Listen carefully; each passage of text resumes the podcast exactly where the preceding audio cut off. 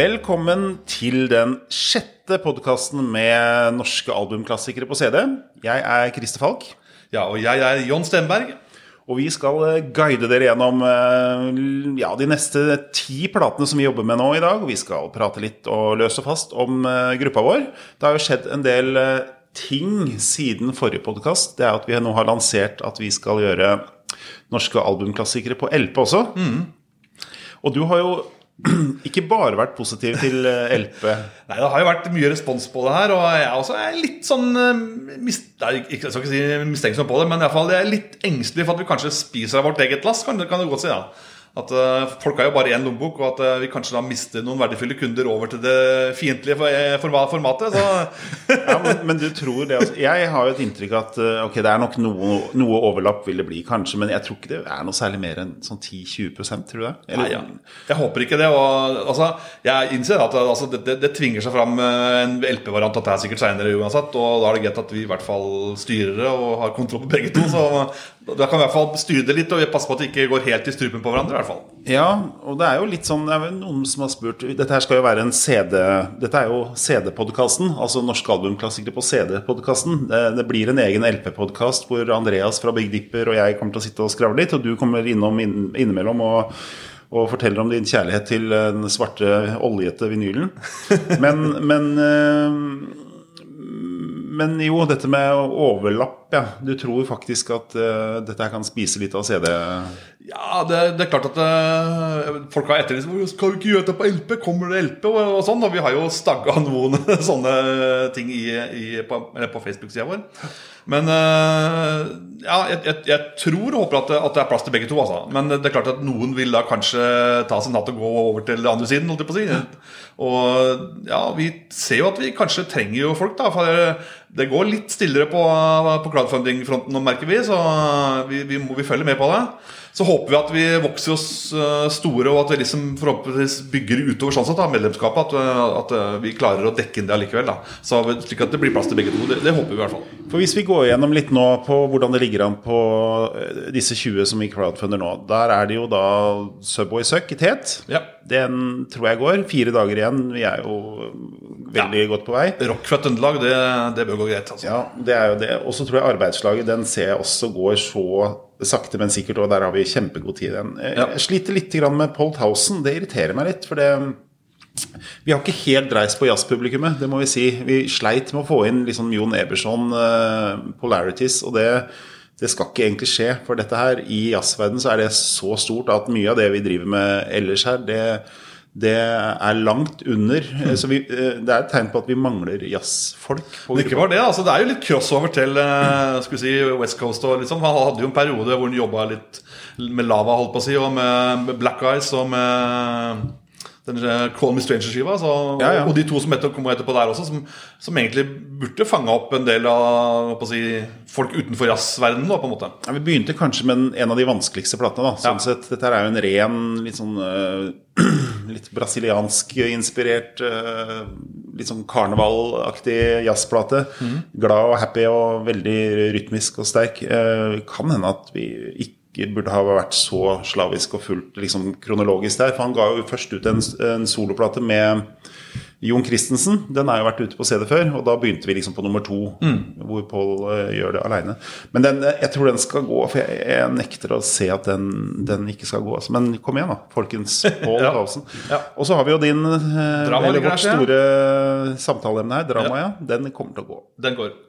Og så kan, Siden vi alltid prater om drama, så må vi jo prate om drama her òg, må vi ikke? Jeg tenkte, jeg tenkte jeg bare skulle skryte litt av, eh, av de flotte videopromotion-videoene som, som, han vet du, han, Bjarne og Bjarne, ja. ja. Han er fantastisk. Det, ja, det er veldig kult. Ja. Det, det, er, det, er, faktisk noe jeg ikke så for meg når vi begynte dette her. At det, det har egentlig ikke slått meg. Jeg tenkte jo at folk kommer til å være liksom flinke på promo og liksom promotere sine egne plater som de ønsker at skal bli noe av, men, men at folk faktisk lager promovideoer. Og så er det det som jeg også setter utrolig pris på på denne gruppa her nå, er at, at vi at det kommer jo litt sånn furtende meldinger innimellom. Sånn, hvor, nå har vi bestilt jeg liksom Sondre Lerche for to dager siden. Hvorfor er ikke den i posten ennå? Skal ikke ta to ja. dager. Og da ser vi at folk Det er andre som kommer inn og svarer. Og svarer. Den ble ferdigstilt da, og derfor da blir jeg sånn der, Shit, de, de jobber jo faktisk eh, Det lever sitt eget liv, hele ja. systemet. Og det er veldig kult. altså, det er veldig bra. Ja, veldig hyggelig. Nei, så, så det går nok bra med både drama Den har vi jo 17 dager igjen på, i snart 20 000, så det går bra. Eh, Så Zimmermann, har- det har gått veldig bra. Ja. Eh, litt overraskende, eh, for bergenspublikummet har ikke vært veldig eh, Det har vært litt tilbakeholdne. Ja. Kanskje det er albumene vi plukker ut, men Zimmermann har tydeligvis en standing som kommer til å funke. Så har vi jo Anita Hegeland. da Stoppa litt opp etter en sånn pangstart på 60-årsdagen hennes. ja, Hun signerer, og vi er halvveis, ja, ikke? Jo. Vi er halvveis på halvparten av tida, så det, Ja. det skal nok gå, men Jeg tenker at uh, vi, vi klarer den fint, tror jeg. altså Vi har sett at mange av de damene vi har, har ligger litt i bakkant. Så jeg syns at hun har hevda seg tross alt ganske bra. Ja da. Så eh, jeg, jeg er optimistisk der, altså. Jeg tror det går. Jeg er det. Og så har vi jo en liten uh, kink igjen, er blind date, da. Der uh, veit jeg ikke, altså. Der er det fem dager igjen, Ja. og vi er ikke halvparten engang. Og folk har ivra veldig etter å få Blinded med, så litt synd at den på en måte ikke tok helt av. Vi, altså, vi er veldig klare på at vi vil ha ting gjennom. Og Blinded var et stort navn på 80-tallet, så eh, vi gir ikke opp, altså. Det Problemet kanskje med blind date er at det fins jo ingen verdens ting. Eh, hvis, folk vil høre, så er det liksom to Ja. låter eller noe sånt på YouTube. Nå har jeg riktignok tatt meg frihet og rippa albumet og lagt ut på min personlige Soundcloud. Eh, tar det selvfølgelig bort, og hvis noen blir sure på um, eh, Sony, eh, så sier dere fra, ikke sant? Men eh, det er jo liksom bare for å prøve å få folk til å høre, for det er vanskelig når, når det ikke fins. Så er det Mm, også ja, vanskelig å vite hva man skal kjøpe. Sant? Ja, ellers så er vi Rolf Graff. Det bør jo gå, selv om den går litt sakte. Saturday Cowboys går jo går. ganske sikkert. Utopian Fields har jo gjort uh, ganske grei start. Fem dager og eh, kjempegodt på vei allerede. Snart halvveis. Mm. Program 81 litt sakte. Og så har vi da Så har vi Hilde Heltberg. den, og den sliter vi med. Ja. Hilde Heltberg. eh, Nå har jo vi litt statistikk og prognoser eh, her, og, og det er vel den som kanskje ser ut som ikke skal gå. Hvis Ja. ikke den får en sånn type Young Norwegians uh... Det er sant. altså Det er den kanskje minst kjente eh, skiva hennes òg. Den, den er litt annerledes er, enn en det hun har gjort seinere. Det er en ren popskive. Og jeg har sett at også mange har reagert på liksom, Ikke bry dere om det litt uh, merkelige coveret eller det litt snodige coverbildet. Ja, veldig- Hun ser litt sånn 80-tallsaktig ut på coveret. Jeg syns det er et artig og fint bilde av, men uh, jeg, ja som sagt, det det er litt mer pop og ikke så mye country på den skiva der. for å si det sånn Men eh, det er en eh, Jo, vi fikk jo et, en liten hit med Skinner, eh, Skinner med i', og plata er bra, altså. Jeg vet at den floppa litt, for at Talent gikk konkurs like etter, etter at plata ble gitt ut. Oh, ja. Så derfor så på en måte Den, sto, den solgte ikke så veldig mye da den kom heller, og derfor så kanskje den forsvant litt. Og, og så har vi ikke hun helt spilt så mye av fraplata live heller, i og med at hun, eh, hun skifta jo litt stil etterpå. Så hun fant seg kanskje ikke helt til rette i akkurat den popstilen, da. Ja, Når, når var det hun begynte liksom i countryretning? Du kan si at eh, Noe vi deler kom i 85, og, og der er det litt mer eh, touch av country. Ja, det, Du har det på, på andre skiva også, som heter På bare bein. Og den, den er produsert av Jonas Fell, og den, eh, den nå er jo litt mer eh, ja, Litt mer countryaktig, kan godt si. Så, Men dette, ja, for det er jo ganske streit 80-tallspop. Ja, det det. Jeg synes jeg har hørt gjennom. Jeg syns det låter fint, og jeg syns det er rart hvis ikke den går inn. Ja. Ja, Ellers er det jo Inger Lise Rypdal. Olav Stedje ligger jo også bak, men den, er, den får vi til. Fordi det, det, er jo faktisk et album som heller ikke fins på strømmetjenestene. Jeg lurer på om det er liksom vårt problem. Hvis ikke ting fins, så har heller ikke folk noe å sammenligne med.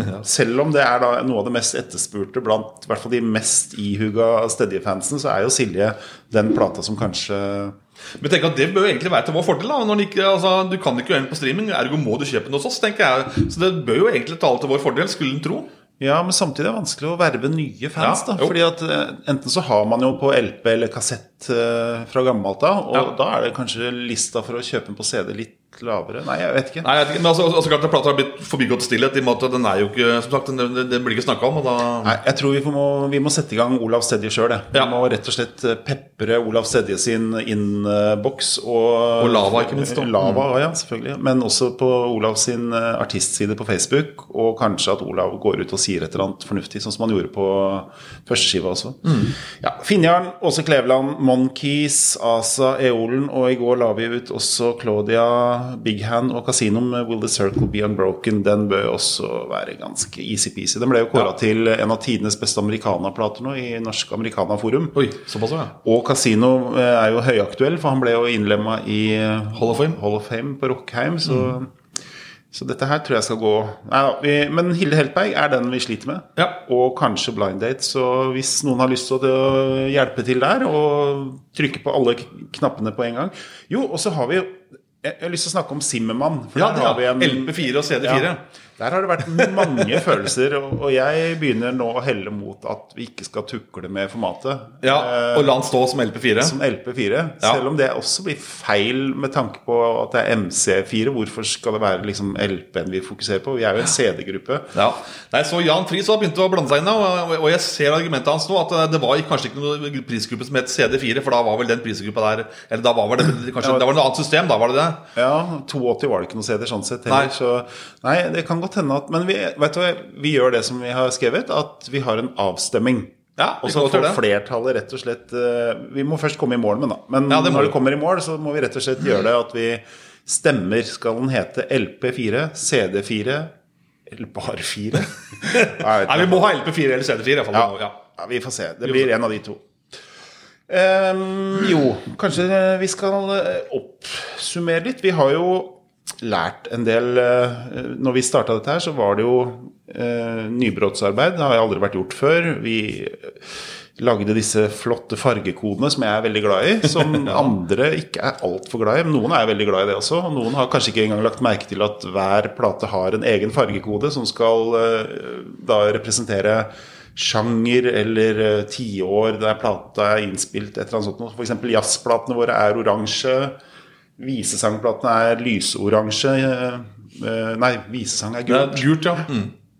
ja det, var, altså, det er jo også et lite designgrep, er det ikke det? Det, det, skal, det skal se litt flott ut òg. Det det. Det var jo en liten rip-off fra Peter Gabriels uh, Real World Records. Det her. Det var nok det. Vi stjal litt der. Og, der, eh, og det som eh, kanskje jeg har stusset Altså Jeg syns det er bare kjempefint at eh, labelene på CD-ene har litt forskjellige farger. Og det, det, det blir litt variasjon. da Det er veldig sånn stilig, akkurat det. Men det er klart at det, som jeg kanskje har tenkt over, er at eh, noen ganger så har vi valgt å dele inn i 70-tall, 80-tall og 60-tall, altså, altså tidsmessig. Mens andre går på sjangere og er på prog, og det går på new wave og, sånn. Men, og, og, og de er jo også ute i et, et år, selvfølgelig. Og sånn sett skulle kanskje da ligge på den fa- fargekoden, da kanskje. Men jeg veit ikke, jeg. Det, Ja, vi er møter ikke noe jeg er litt i, men Vi møter oss litt i døra. Én ting er Jan Garbarek, eh, og det er liksom det blir ikke mer jazz enn det, på en måte. Men så har vi alle disse grenselandsgreiene, sånn som Young Lord, som for meg er rock. ja. Det det begynte begynte å- litt med new wave, med, Ja. si. Men ja. Og da begynner man å tenke Også Simmermann, som da er vel egentlig Vi har putta det i nyveiv, men er det rock, eller er det nyveiv? Wave? Det er liksom Ja. Og da begynner vi det, det er det som er så vanskelig. Jeg husker jeg hadde platebutikk på Aker Brygge i 25 år. Og vi hadde jo veldig, veldig glad i å dele inn i katalog. Men da var det sånn at plutselig så kom det sånn Rune Grammofon, et av mine favorittplateselskaper, kom, og jeg satt og tenkte shit. De er jo så fine, og de er så helhetlige. Kanskje de bør stå sammen? Men så var det plutselig sånn chocolate overdose i Rune Grammofon, som egentlig er et ganske pop-rock-plate. Samtidig så skal det stå sammen med Arne Norheims Ja. elektro... Og da når det ikke ut det skal. Ja. Nei, og det er liksom Det er vanskelig med kategorier så fort man begynner med det. Det, var, det er noe, Vi holdt på med den LP-greia også. Jeg har lufta litt eh, Er det hvordan folk vil ha det, da. For det er jo klart at det er greit å ha det Vi kan ikke gå tilbake på et prosjekt. Og det er det som er fint, at nå er det jo fortsatt noen måneder igjen. Og jeg har jo jeg har driti meg ut på sånn som Act, f.eks., som inni huet mitt har vært litt mer roots, country, americana, med rocky. Eh, Da var det jo veldig mange som reagerte på at hvorfor har dere putta den sammen med Kristin Berglund, som også da var i utgangspunktet en visesangplate, den siste Kristin Berglund, som jeg hadde på gult, for det var liksom country skråstrek eh, blues. Og da, jeg, jeg kjenner, men nå har vi retta det opp, da, sånn at selve platene blir uh, litt mer korrekte. Men det vil helt sikkert være noen som reagerer. Og så var det en som skrev det var veldig godt skrevet at vi må ikke henge oss opp i at en artist er en countryartist. Sånn som uh, Hilde Heltberg. Hvis vi hadde tatt Trond Granlund, da, en Ja, av dine store helter, da hadde vi hatt et problem. da hadde vi slitt, for han har jo vært gjennom alt. Ja. Han begynte jo som uh, rock, rein rocker, seksdagsrocker, og så- ble han eh, crooner og popgutt, eller liksom popstjerne. Og så ble en countrymann. Ordentlig, ordentlig beinhard country. Og da, mistet, da datt jeg helt av. Men kom tilbake seinere, vel å merke. Og så eh, ble det litt mer sånn eh, Oslo-viser. Oslo-viser og den, type ting. Og nå er det jo gått over til Hans Børli og, og sånn også, så det er liksom Ja, ja. arbeider, arbeiderviser. Så det er liksom veldig vanskelig å inndele den karrieren, og det, da vil han, havne i helt forskjellige kategorier, egentlig. Og vi må nok ta liksom plate for plate. Og så har du jo sånn som hva med Tramteatret, da, som Ja, det er, er 70-tallet, men så er det jo også 80-tallet. Så da får Ja. de to forskjellige farger. Så vi må nok rett og slett ta album for album, og det var jo egentlig det som har vært tanken hele tiden. Men, eh, men det er vanskelig den uh, grensegangen mellom country, countryrock eller rock, f.eks. eksempel Vi har nyveiv, eh, rock eller eh, Og punk og- ja, sant? Alle disse, disse tingene der. Så vi kommer nok til å møte oss i døra. Vi kommer til å få mye kjeft. Jeg, vi skylder på hverandre. Det er det beste. Jeg peker på deg. Jon Rikard, altså. Han er gæren, skal jeg si. Ja, men det, det blir nok noen uh, trøblete ting. Uh, Men platene kommer. vi kan si sånn da, Platene blir bra. Ja, de blir det. Og vi har fått mye skryt for lyd. Det har vi. Uh, Faktisk. Både for det Lars Årdal har gjort, rippa fra LP, men også Gjert fått veldig mye skryt. Mm. Saft fikk han veldig mye skryt av. Det var jo helt vilt hvor mange som har fortalt hvor fantastisk Saft låter. Og ikke minst Ingrid Strypdal. Ja. Og det la jeg merke til allerede når jeg godkjente mastering, at dette her låt utrolig bra. Helt strøken lyd. altså Jeg sitter med sånn rimelig sånn midt på tre greie høyttalere når jeg skal sjekke ut dette på PC-en, bare for å sjekke at det er riktige versjoner og at det er liksom riktig rekkefølge og sånt. noe. Ikke så mye sonisk kvalitet, men iallfall at liksom alt, alt riktig, ligger riktig an. Og der oh, altså, Jeg satt og koste meg med den gromlyden det var på den skiva. Og det, og det har folk lagt, lagt merke til. altså Og jeg syns det er så kjempegøy da, at, det er akkurat på Inger Lise Rypdal hvor det skjer. altså for det, liksom, for det hun har kanskje vært litt avfeid som en litt sånn enkel underholdningsartist. Og liksom, du skjønner, det er litt sånn lettbent sjanger da Og så kommer hun og banker i skikkelig hifi testplate i bordet som liksom ikke ligner grisen. liksom Det er Ja, så det- utrolig bra. Men det kan nok ha litt med musikeren hun har med seg også. Det er jo et eller annet med Og det skal sies at Hans Sigvaldsen hadde investert i helt nytt studio rett i forkant av innspillinga. Ja. Så den nyter godt av at den er eh, Ja, det er liksom en av de første som kom på det nye studioet, og det låter jo som en drøm, altså, rett og slett. Det er også spilt inn med Var det Jan Erik Kongshaug? Ja, ja. der? Jeg tror det. Mm. Og det han er jo gøy, for jeg mm, jobber jo litt med han helt eh, mot slutten av livet hans. Jeg lagde en festival og greier, og da var vi i studio med Bendik Hofseth og spilte inn en plate som het Atonement. En av de, det var nest siste plata med Jan Erik Kongshaug. Og han eh, sa egentlig bare at eh, det har ikke noe å si hvem som skrur lyd. Det eneste som er viktig, er at musikerne er så bra at de skjønner eh? Han- mener at det er musikerne sin skyld at ting låter Riktig. bra. Okay. Selvfølgelig, for han er jo en beskjeden Ja. eh, mann med utgangspunkt eh, født i Trøndelag. Der er man jo beskjedne. Men, men det er et eller annet med at når du, har, når du er i studio med da Terje Rypdal og Jon Christensen og liksom et sånt A-lag, så vet jo de hvordan det skal låte. Så jeg vil jo tenke at det er enklere å være lydmann for de beste folka. Så sånn sett kan jo det være at Inger Lise-plata har jo vært en sånn eh? Det er folk som har vært der og spilt inn fantastiske jazzplater Mm. to uker før, og så skal de gå inn og spille en uh, popplate med Inger Lise. Eller en egentlig litt sånn pop-avantgarde jazz. Det er ganske mye forskjellig. Ja, det er mye forskjellig der. Og og også fantastiske coverlåter. Er Bare spill altså 15 år, som er en coverversjon av eh, Janice Ions At 17. Fytte rakkeren! Altså, for en låt, og for en innspilling. Og ja, Baby Blue og den åpningslåta som bare dæljer til med Altså, jeg, jeg kan fly etter låta. Og liksom Ordentlig sånn crescendo. Du skjønner Det bare bøttes på med, med lyd. Altså, det er ordentlig sånn Det låter så fett. Bare spill det høyt, folkens. Rett og Ja, akkurat den plata, Og det er så rart, den plata. Vi har vel snakka om det før, men, men den er en sånn brytningspunktplate med Inger Lise. da Fra Mm. de aller mest cheesy underholdningstingene hun gjorde, til de liksom litt uh, særere greiene etter at Terje Rypdal begynte å pille borti. Så det er en veldig sånn gøyal plate, fordi du hører at det er en person som ikke har helt bestemt seg for retning, og, og helt veit hvor, hvor hun skal gå. da Men uh, jeg synes det er liksom hvis du luker vekk tre-fire av de låtene, syns jeg er dødsbra dødsbra popplate. Ja, du gjør en cover av ABBA der som kanskje er litt ballplassert, sånn i etterkant. Ja, det også. Men, uh, Men til og med feeling. Ja. altså da, når hun men den gjør det veldig bra, da. Ja, nydelig. Ja. Og den er jo en sånn låt som jeg tenker at eh, Det er heismusikk, skulle tro, ja. Men det er, altså, stemmen og lyden i den plata er, den er, det er en sånn referanseplate. Jeg er veldig glad for at vi fikk den så bra. Mm.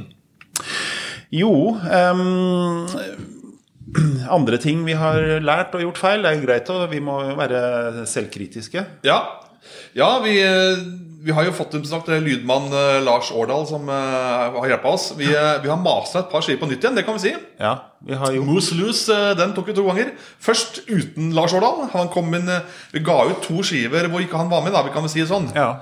Eh, Tramteatret og Veslefrikk. og Veslefrikk De er da lagd før Lars Årdal kom inn i bildet. Mm. Og er kanskje ikke helt opp på 100 %-nivå. Sånn, det er en liten touch av LP hvis du skal eh, gå det ordentlig i sømmene. For å si sånn.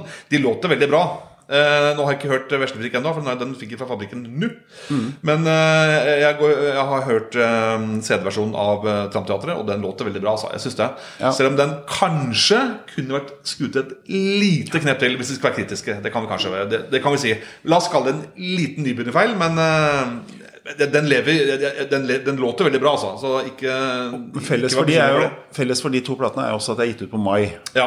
Og Mai har jo en litt øh, Der er det kronglete med mastere. Fordi Det at det, det. fins nesten ikke mastere fra Mai-katalogen i det hele tatt. Det er uff, stygg sak. Jeg vet ikke hva som skjedde der, men det var vel noen som har kasta masterne? var det ikke det? Ja. Rydda opp og tenkt dette her er noe skrot som ligger i kjelleren. øh, et eller annet. Jeg- vet ikke hva som har skjedd, men øh, du kanskje vet noe Ja, om det? jeg leste boka til han Sermund Fiskevik, og det sto noe sånt som at eh, Mai delte eh, lokaler med Norsk lydskole. Så var det masse mastere som lå under trappa. Altså, det. Var sikkert lurt å lagre hovedlagre alle masterne under trappa, eller, noe sånt, men fall eller på et kott. eller noe skjønner Og at det tok mye plass, og det sto i veien, og så var det visstnok en, en vakt med altså, ja, det var en, en person som rett og slett eh, tok en ordentlig rydding der, og det skulle selvfølgelig aldri vært gjort. Så eh, da forsvant strengt tatt nesten alt av masteret. Det er det. helt forferdelig. Det er hundrevis av kanskje det viktigste gullet i norsk musikk. Ja. Men heldigvis så har vi Sveinung eh, Rindal. Ja. Og han har jo komplett Mai i så å si uspilt mint condition LP, så vi er heldige å få låne han. Som gjør at uh, Lars Årdal får en litt lettere jobb når han skal rippe, enn at det blir for sprakete. Men Lars Årdal har jo faktisk han har ettersøkt, altså vår masteringsekspert på fra vinyl, han har ettersøkt råtne LP-er. Han syns det er gøyere å restaurere råtne LP-er enn eh, disse nesten perfekte, fordi det er så lett at sier han at Men han, han spilte noe greier Han sendte til meg her for litt siden. Det er lov å være blid eller noe sånt, med Jens Bukk Jensen, som han har eh, rippa fra det mest sprakete sjutommeren fra liksom 60 eller 50 Jeg vet ikke når den er fra. det ja. Men altså, det låt 100% perfekt. Det, det, altså, det er så sjukt, det han driver med. Jeg, han har sagt til meg at en dag skal han fortelle hva han gjør, men han, eh, det er jo foreløpig en bedriftshemmelighet som han helt sikkert kommer til å Om et par år så er han en av de lydfolka som eh, jeg tror rett og slett han kommer til å bli en sånn lydkjendis. Ja, det er klart, jeg, skjønner at han ønsker å ha den eh, for seg sjøl foreløpig. Vi kan jo si da at Act-skiva også. Den eh, har vi også masta to ganger. Ja, fy faen, Det Den, var mye eh, rart. Ja, eh, vi fikk en eh, eller, Altså Warner sendte oss en fil som den var lagt ut på Spotify også. Og eh, Bjørn Kulseth, vokalisten i Act, kontakta meg og sa at eh, det er et lite halvt sekunds dropout i låt nummer sju på den skiva. Så han kom, kom inn i forkant, da, for lå, den versjonen lå på Spotify. Og da, Det var litt, litt bra at den gjorde det, da, for da, da kom, kunne vi liksom gå inn og korrigere. Da, da tenkte jeg at da tar vi liksom låt nummer sju fra LP, og så kjører vi resten fra, fra master. Så fikk jo Lars Årdal hele skiva, og den skiva var jo mint condition. Og, Gjert, og så Han mastra det og sendte greia til Gjert, og da sa Gjert at nei, her må vi ta LP-versjonen, for den låter mye mindre komprimert, og den låter mye flottere. rett og slett Og jeg har godkjent plata. Den låter helt, helt strøkent. Og vi sendte, Jeg sendte så filen videre til eh, Bjørn Kulseth, og han sendte til bandet, og alle var strålende fornøyde og syntes det låt kjempebra. Det var ordentlig flott og fyldig lyd. Ja, det er gøy. Så, det- ja. Og det var altså fra LP. Ja, og det, det sier jo litt at hvordan har det da blitt hakk og dropouts? For det var ikke bare den låta, det var flere låter som ligger på Spotify nå fra Act som har eh, Du hører det skødder, da. Ja. Og hvordan kan det skje? Det er litt sånn spennende. Jeg tror jo eh, Det er ingen som vet på Warner nå, for der har det jo vært forandringer i hvem som jobber det, og de har solgt fra EM og alt mulig sånt, så det er ikke nødvendigvis de samme folka som jobber der lenger engang. Men det de tror, og det jeg også kan tenke kan være en eh, ryddig forklaring, det er at det er tatt fra digitale DAT. DAT er jo noe av det skrøpeligste som finnes. Spolebånd. Har du en, en spolebåndsteip som har ligget godt bevart, så er den like bra i 19... Eller som den var i 1960 liksom i, i dag. Det er 60 år gamle teiper vi har rensa opp i, og det, er liksom, det låter perfekt. Men datter der er det mye slark. For der kan det være DAT-spilleren som har spilt uh, og Det er liksom sånn gammel kassettjamming som uh, ble Kassettformat. Men ja. det er jo digitalt, altså. En skulle tro at, at det overledes. sånn. Men, men, samtidig får du en liten brett på det ja, digitale der, så skjer, så skjer, det noe. Og det er i hvert fall det som sannsynligvis har skjedd fra Act, er at de har funnet en DAT-kassett. De har sannsynligvis ikke hørt ordentlig gjennom når de har uh, lagt ut. De har bare klippa opp og her, fint, her fant vi Act. Og så, legger vi, så klipper vi opp låtene, og så legger vi det ut på strømmetjenestene. Og det også er jo La oss hate strømmetjenestene litt, Jon Rikard. For det, ja. fordi, uh, det er ikke kjærlighet, iallfall. Det er helt sikkert. Nei, det er lite gjort med, Det er lite kjærlighet i strømmeland, ja. det vil jeg si. Det er kjempefint verktøy for å Du er ikke engang på Spotify, du. Nei, har ikke Spotify. Hvorfor det? Nei, Jeg bruker å si at jeg liker ikke å gi penger til kriminelle, rett og slett. Ja, det er så enkelt, men det er Hardt og brutalt. Men selv om ja. du vet at det fins millionervis av låter her som du kan ja. liksom leite fram? Ja, nei, altså Jeg tenker at Altså jeg har jo 10 000 CD-er hjemme sjøl. Hvis jeg skal begynne å ha abonnement på Spotify, så må jeg altså betale for å spille de skivene jeg allerede har kjøpt. Ja. Egentlig helt meningsløst. Så, og ikke bare det, men altså, det er ikke sånn anlegget mitt er, altså, er, er liksom satt opp. da Jeg har, jeg har jo selvfølgelig altså, wifi og bredbånd og alt det der, men liksom Altså Jeg har CD-spiller på kjøkkenet, jeg har CD-spiller i bilen, jeg har CD-spiller i stua. Har, det, er liksom, ja, det er liksom alt. Anlegget er satt opp mot CD, og det er det jeg bruker. Altså, driver altså, driver med iPhone eller pad og begynner å linke opp med, Nei, nei, det er, bare, det er, nei. Det, det er både usexy og det, det, er ikke meg i det hele tatt. jeg liker blanke disker. Ja, Men selv om du da har tilgang til hvordan, når du liksom Hvis du hører om et band, ja. og så tenker du Oi, det hadde vært ja. gøy å sjekke ut. Ja, det, du, da? du har YouTube. YouTube kan jeg bruke til sånne ting. Liksom, og skal sjekke om ja, Eller forske ut etter ting. Men, men du syns ikke YouTube-folk er kriminelle? Jo, det kan du godt si. men da betaler du i hvert fall ikke noe? altså, jeg har reklameversjon der. Ja, Nei, altså det, er, altså, det er, altså, det er jo Altså, jeg kjøper plater uhørt. Så for meg er ikke altså, Hvis jeg har lyst på skive, så, så kjøper jeg den skiva. Liksom. Det er, det er, jeg, skal, jeg, sitter ikke og vurderer jeg skal skal ikke det. er bare liksom, Nei, det tar jeg. men, men sånn gjør jeg også. Jeg har jo aldri Jeg har tenkt at hvis det er én låt jeg liker på en plate, så er det kjempebra. Da, ja. jeg, kjøper jeg en. Og jeg husker at det var en periode jeg, jeg kjøpte mye plater basert på anbefalinger fra The Wire. Ah, ja. For det var jo et blad som jeg er veldig glad i og alltid har lest fra A til Å. Og Problemet er at man Oi, her står det en eller annen referanse til en man liker. David Sylvian, som er en av mine store helter. Og det, Wire er liksom alt som låter litt melankolsk og mørkt, så er det Oh, it sounds like David Sylvian with a mix of et eller annet sånt. Og da, da kjøper jeg det bare. Men problemet er at når jeg fikk platene to uker etterpå, så ante jeg ikke hvorfor jeg hadde kjøpt det. fordi at det var liksom et problem. Så jeg satt hadde Den David Sylvin-referansen, eller hva det var for noe, en referanse, det var jo borte for lengst. Da måtte man jo sette seg ned og høre på en plate man ikke aner hvorfor man har i samlinga si. Og da har jeg fått eh, ganske mye gøye og jævlige opplevelser. Men, men først og fremst så er det sånn at når du sitter og hører på noe som på et eller annet vis har blitt anbefalt av noen som som har peiling, eller i hvert fall på papiret skal ha peiling, de musikkpolitiet som du er så glad i, ja. Så er det et eller annet med at sannsynligvis er det noe der som er uh, gøy. Og så er det jo sånn, jeg har jo vært alltid sånn at hvis det er en anmelder som, som liker noe av det samme som jeg liker, så vil jeg jo anta at når den personen anmelder noe en annen gang, så er det en større sjanse for at jeg liker det, enn at en som er en helt annen planet enn meg sjøl. Men du har ikke hatt noe, har du hatt noen sånne anmeldere som du tenker at Nei, vet du hva. Altså jeg, der er jeg, altså jeg, som sier at jeg er ikke så glad i musikkpolitiet. Og, og, jeg liker ikke så godt å bli dytta på ting. Da, kan du godt si. Jeg liker ting å oppdage ting sjøl. Og da, liksom ikke, da, stopper det ikke meg liksom, når jeg skal begynne å forske ut og liksom, åpne nye dører. på en måte Men uh, ja, altså, jeg er litt redd for å bli dytta på for mye kredible skiver. Og, liksom, og sammen med filmer òg. Jeg har jeg har en kamerat som har prøvd å dytte på meg ting som jeg bare Hæ? du skjønner, liksom, Som ikke har matcha helt tatt. Så jeg liker altså, Jeg på en måte må oppdage ting sjøl, da. Og, og, så er jeg kompletist, så jeg, jeg, kjøper jo liksom Hvis jeg først er fan med finner meg et, eh, et band og artister som jeg, som jeg liker, så da har jeg en lei tendens til å plukke opp alt sammen nesten uansett. Så det, det blir mye som jeg kjøper liksom, som jeg skal ha uansett. Og da jeg er ikke, altså har sagt liksom at jeg er ikke den, han som liker å oppdage ting først. Jeg er han som liker å oppdage ting sist. For da, da vet du at det i hvert fall da, da, er det på en måte, da blir det stående, på en måte. Ja, du skjønner Ja, ja. I musikkbransjen så er det alltid slik at det er alltid noe nytt. Det er alltid et nytt kvarter. ikke sant? Det er alltid en ny artist som blir promotert. Alltid noen type. Så jeg, jeg, er aldri, jeg er ikke den som gidder å hele tiden skal ligge i forkant. Jeg har, altså, jeg har jo som sagt 10 000 steder sjøl, så jeg har nok å, nok å høre på der. Liksom. Jeg må liksom ikke nødvendigvis ligge i forkant, da, kan du godt si. Og så er jeg, at jeg har også avgrensa meg litt til, til mye norsk musikk.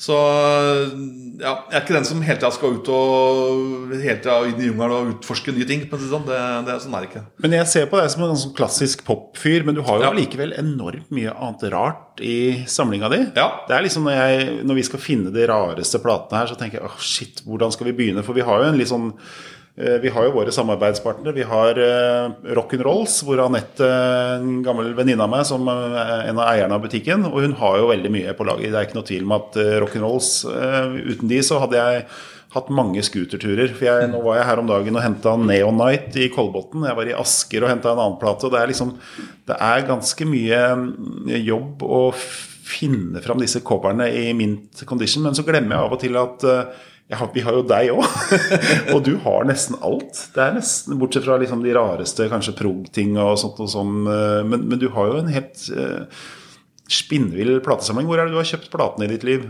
Ja, altså Det er artig, for jeg er oppvokst på Kirkeneir oppe i Soler. da, Det er jo ikke akkurat eh, Det var liksom Kirkeneir Radio TV som var min lokale platesjappe. Der var det ikke snakk om at det var noe backkatalog og sånt. Og der, ikke sant? Så du kan si at jeg, oppi der da, så, begynte jeg med Oslo-turer Når jeg var 15 år, sånn i 85. Så da hadde jeg sånne lange dagsturer rundt i Oslo. Og da gikk jeg liksom hele lysløypa. Det måtte jeg til og med bruke to dager på du skjønner, i Oslo. Og det var bare sentrumsbutikkene. Du skjønner. Så og jeg har også kjøpt mye og oppdaga mye på salg. da så, og de jeg kjøpte først på kassett, da jeg selvfølgelig bytta over til, til LP også, etter, etter at jeg fikk meg plattspiller når jeg konfirmerte meg. Så, så jeg, og jeg flytta også til Oslo her i sånn, ja, på begynnelsen av 90-tallet. Og, og jeg har kjøpt mye i Scandinavian Music Club og litt sånt nå også. Det må en jo når en bor oppe i landet.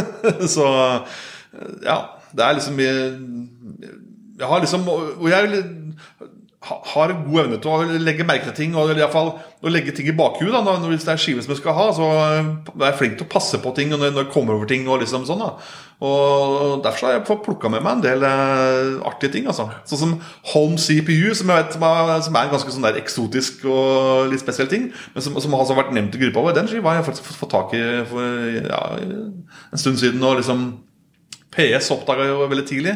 Den er litt sånn sagnomsust og kanskje litt hemmelig, men eh, Ja, PS-plate den er litt eh, Den er kronglete, for den Ja. har vi ikke funnet master på. Men heldigvis hadde du en urørt eller uspilt, eller kanskje spilt Ja, jeg har spilt den selvfølgelig, Ja. men eh, den låter veldig bra. Ja. Så den er jo en jobb for Lars Årdal. Eller Ellers så har jeg, fikk jeg en melding nå fra Gjert som sa at nå er det elleve plater han har mastra. Nå må dere få opp farta. Så nå er det heldigvis nå, nå føler jeg liksom at vi, opplegget vårt henger litt på greip. Jeg var redd for at øh, Nasjonalbiblioteket skulle bli proppen her, for de har jo faktisk et liv ved siden av, en jobb ved siden av. Så dette er noe de gjør liksom uh, Utenom, ja. ja, eller de gjør det jo i arbeidstida og sånt noe, men, men de har jo enormt mye å gjøre der oppe. De sitter jo og digitaliserer alt fra liksom postkort til de- Det er jo helt eh, når du, Jeg har ikke vært der oppe sjøl, jeg har blitt invitert opp. Jeg gleder meg veldig til å gå der oppe og, og titte, for det er jo Jeg tror det er inne i fjellet. de Mm, Det er flere om. fjell der, vet jeg. Mm. Ja, det er flere fjell til og med, ja. Så de har altså antageligvis lagd høl i fjell for å, og, og lagt opp eh, perfekt tempererte rom for at disse Alt fra teiper til datter til LP-er og alt mulig. Og der, der skal jo absolutt alt være som fins. Det var jo heldigvis noe som het pliktlevering også i gamle dager, som gjorde at eh, hvis de da ikke finner eh, master eller noe sånt så, så har de i hvert fall en LP som er i urørt. Ja. de, de overtok også hele platesamlingen fra NRK. da Ja. Så derfor så er det Så de Excel-barna de har oppe der, de har ofte sånne nummererte sånne stygge klistremerker med diverse nummer på som ikke ser ut. Og der, jeg vet at det er en del LP-er som er blitt borte i NRK-systemet også, som har blitt stjålet eller lånt i gåsehudene. Så det er nok ikke helt komplett oppe i, på Nasjonalbiblioteket heller, det sånn. Det er nok ikke det. Men, Men det er eh, ganske lite de, Det eneste de ikke har funnet av de tingene vi har leita etter nå, og det er jo da blant de 62 første platene, det er eh, PS. Tror jeg ikke de hadde i det hele tatt. Ikke på vinyl heller. Eh, de hadde ikke Octopus. Riktig. Og så tror jeg ikke de hadde Det var én til. Men det er liksom tre av 62 de ikke hadde, og det syns jeg er ganske bra, altså. Det må jeg si. eh, På et eller annet eh, format. da. Men det er klart, eh, det er lettere for oss, og det er bedre for oss nå. eh, For de har rippa mye LP for oss, og de har ikke, ikke? Det de gjør der oppe, når de ripper LP-en, så kjører de gjennom en sånn støyreduksjonssystem, og alt blir så bra som det kan bli. Men det Lars Vårdal driver med, er jo noe helt annet. Så vi, vi blir nett, nødt nå til å finne LP-er, kjøre opp der hvor han jobber, sånn at han eh, fikser det. Og så må vi opp og hente plata og levere tilbake igjen. Det er, det er litt mye mikking og mye, mye sånn jobb jeg ikke trodde jeg skulle ha. Og det verste nå er jo dette med signeringer. I koronatid, liksom. Eh, vi kan vel ikke møtes nå? Nei, vi kan kanskje ikke det. Da må jeg ut dit, ja. Og så må vi legge fra oss, og så må jeg komme tilbake igjen. Og alle bor jo ikke i Oslo sentrum. Hadde det vært så enkelt, så hadde det vært greit. Men det er, det er liksom Ja, det blir litt Det går med en dag. Det går en halv dag til å få signert en plate, så jeg kjenner at det sitter litt langt inne å fortsette veldig mye med signeringer. Vi snakka litt med Andreas om det på LP-er også, og vi bare sa det, da må de komme i butikken, liksom. Eh, hvis de skal signere noen plater der. Så å kjøre rundt med 150 LP-er til eh, Det får jeg i hvert fall ikke gjort på scooteren. Ja. Nei, så det, det er nok en sånn eh, Det er kjempegøy å skrive at en eller annen signerer en plate. Men jeg kjenner hver gang jeg får platen inn, så bare sånn Å, nå kunne vi bare shippa det rett ut. Å nei. Er, og, så er du på hytta, ja. Du er på hytta i to uker, ja. Ja, da, Men vi har den korte sånn som Jannicke gjorde. da Den var egentlig en fin løsning, kanskje. ja jeg syns det ble fint. Kanskje man skulle gjort mer av det. altså. Det er det, for da, da skriver de ikke på cover heller. Da, for da mange vil ha plata helt urørt. Mens du har et kort ved siden av. Så det, kan være en løsning. Og da kan det ligge litt i forkant med signering kanskje også. Vi. Hadde vi ikke en japaner som sa at han ville, ville bare kjøpe Olav Stedje hvis det ikke var signert? Ja, for akkurat nå så er det jo to plater som skal signeres. Og det er da Olav Stedje og Trond Ingebrigtsen Ja. og Bjølsen Valsemølle. Og det, det må jeg gjøre i løpet av denne dagen, fredagen. Og det kjenner jeg at det passer dårlig inn i planene mine nå, for jeg har jævla mye å gjøre. Men, men. Må man, så må man. Jeg bare håper jeg får tak i dem i dag, så at ikke de har stikket av på noen ferier. For fikk, vi fikk jo akkurat inn en batch nå med ti nye plater. Det gjorde vi. De Så veldig så veldig fine ut. Eh, vi fikk jo uh, Creation skulle egentlig komme litt seinere, fordi den skulle da trykkes i sølv, men den, de greide å få med på samme pakka. Så nå har jeg altså eh, brukt de siste uka på å innrede et lager på Matkroken eh, oppe i Jabru på Nordstrand hvor jeg bor, i Oslo. Og nå begynner det å se ganske bra ut. Altså. Nå, bli, litt- nå har vi ting litt på stell. Så hvis vi unngår altfor mye signeringer framover, og i tillegg eh, Nå har vi også hatt de ti platene vi jobber med akkurat nå, som Ja. skal sendes på mandag. Eh, de har jo også vært ganske sånn eh, Det har ikke vært det aller enkleste platene å jobbe med. Det har jo vært eh, skal vi se, nå skal vi begynne med Det er Boastein. Der har, sleit vi litt med å få tak i et perfekt cover. Heldigvis var det en eh, kar som hadde et perfekt cover, som skanna for oss. Han bodde vel i Ja, Stavanger borti der, var det? ja, var noe på Vestlandet. Jeg lurer på om det var kanskje Molde eller et eller annet. Men i hvert fall okay, ja. han øh, han var jo utrolig hjelpsom, så det gjorde at vi For den, den sleit vi. Det hadde ikke engang Han Øystein Boasen hadde jo ikke engang cover, eller plate med cover på på den.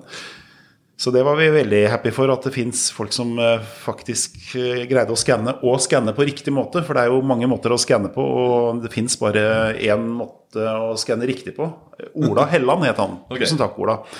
Eh, og det er jo det at vi må skanne da i to biter, og så må vi skjøte på, for det fins jo ikke skannere, i hvert fall hvis ikke du har har en sånn superskanner et eller annet sted som er store nok til å skanne en LP.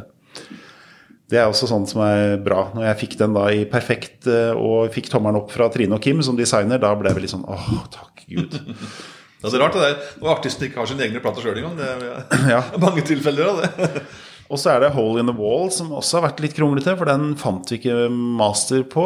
Men de, de, de skal prøve å leite litt til på Jeg får svar etterpå i, i dag om det, om det fins. Eller så må vi bare rippe dem fra vinyl også.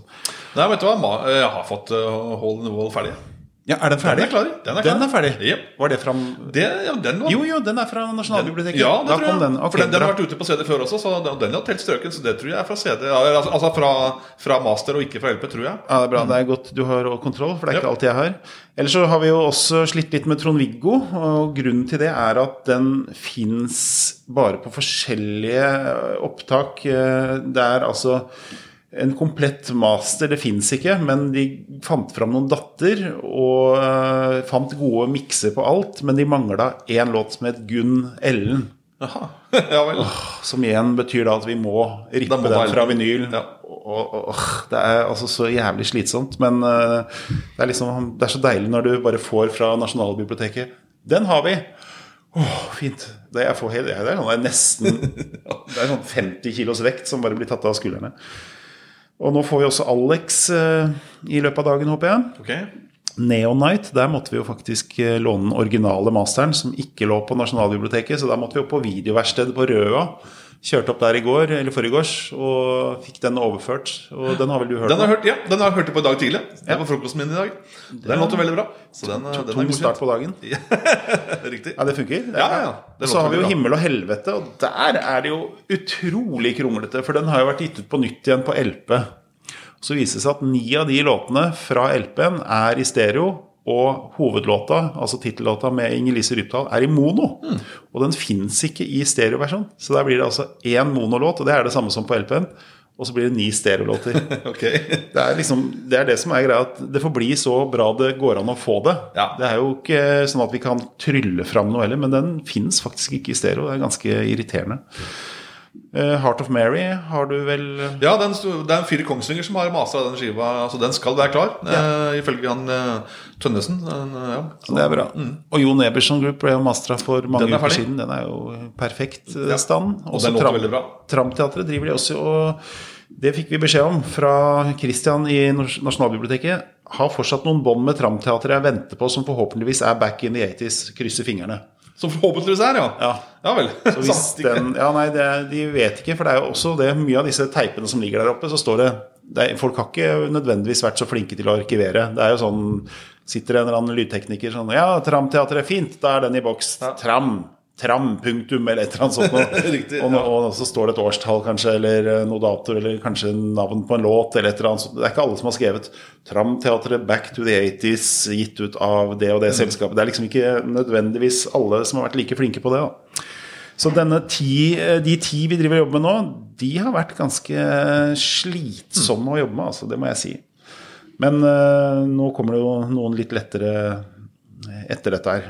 Eh, Vi har derfor fått opp tempo. Det er bra. Nå har, Ja. vi, det har vi fått opp og gira opp, så nå skal vi ligge litt bedre an enn det vi gjorde i starten. ja, for nå har vi to uker nå hvor vi får ti på rappen, og Ja. så må vi vel ned på fem igjen på, i uka. Og så kanskje sånn annenhver uke fem og ti. Jeg tror eh, vi ligger nok litt riktig an til at fire uker etter at en plate er crowdfunda, så skal den komme.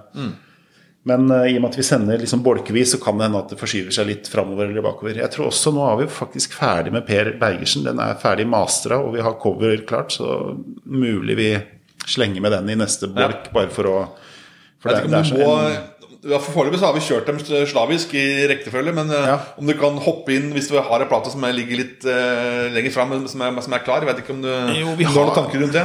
Vi har flere plater som kan sendes, men jeg liker veldig godt dette systemet. At vi gjør oss ferdig med ti, Ja. sender, og så går vi løs på de neste ti. Og, og Gjert lever jo sitt eget liv. Han bare masterer så fort han får ting inn. Mm. Lars uh, masterer så fort han får ting inn, så det er ganske greit. Og Trine og Kim eh, jobber jo i, i vårt tempo igjen med de ti. De har liksom fokus på det. Men hvis jeg får inn noe info på de neste ti, liksom, så putter bare Trine og Kim det inn i sitt system. For nå har vi jo Vi får jo lister nå Faen, nå kjente jeg at det ble veldig nølete. Er dette interessant for folk? Ja, det kan du si. Men det, er, det er et slags samlebåndsopplegg vi har. Ja, vi gjør det. Og vi putter inn info, i hvert fall. Ja. Nei, nå må vi slutte å være så nølete. La oss uh, snakke om uh, noe annet. eh. Ja. Internt. Ja, dette ble veldig internt. Herregud. Ja, Men det er jo tross alt det vi driver med. Det er jo kanskje det vi må snakke om. Vi kan ikke snakke om Men ellers har du gjort noe nytt. Uh, Har du gjort noe gøy siden sist? Ja, Over til noe helt annet. Ja, jeg er akkurat ferdig med National Final Season i Eurovision, og jeg er opptatt i det. Da. Så nå har Hva, jeg vært... hva er det for noe? Det er da Melodi Grand Prix, eller Eurovision Song Contest. Så nå er eh, Sven- National Hva kalte du det? National eh, final, final Season. Altså nasjonale, de nasjonale landets Uforskjellige forskjellige uttakinger.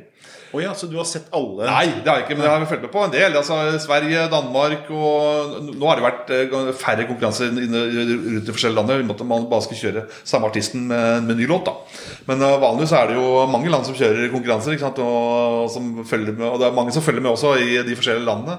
Jeg begynte okay. å følge med litt på Tyskland og England. og litt sånt og Jeg har, eh, jeg har liksom 100 låter som jeg setter meg inn i da bare i forbindelse med Eurovision. Men 100, det er ikke så mange land? Mange... Nei, nei, nei, nei, da, da, liksom, da er det mer enn ja, ja. de nasjonale De ti uh, svenske og de, ti danske? Eller ti svenske, nei. 28 svenske. Nei, du tuller. Nei, nei, de kjører ordentlig opplegg. Hvor mange år i Norge i år? Det var... 26 i Norge. Det var så mange. Ja, ja. Mm. Så det, ja, for det, var, å, ja, ja. det tar litt tid. Jeg så et par av episodene. Ja, det er moro. Så. Men hva tror du om Tix sine vinnersjanser? Ja, uh, der er jeg spent. Jeg tror kanskje ikke det Ja, ja, altså, jeg tror at, at, det kan gå ganske bra, men du kan si at Den internasjonale Grand Prix-fansen er ikke så veldig fornøyd. Da. De har jo hele tida bedt om Keiino. Og, det, og Keiino sin låt var liksom veldig sånn skrudd og liksom klippig og skuren for, for Eurovision. Da, på en måte, du skjønner Da kunne huka alle boksene for hva en låt skal inneholde for å klikke i Eurovision. på en måte Og det var helt perfekt. Vi hadde en seier inne egentlig med, med, med Keiino, det visste alle. Men uh, nå vant jo Tix.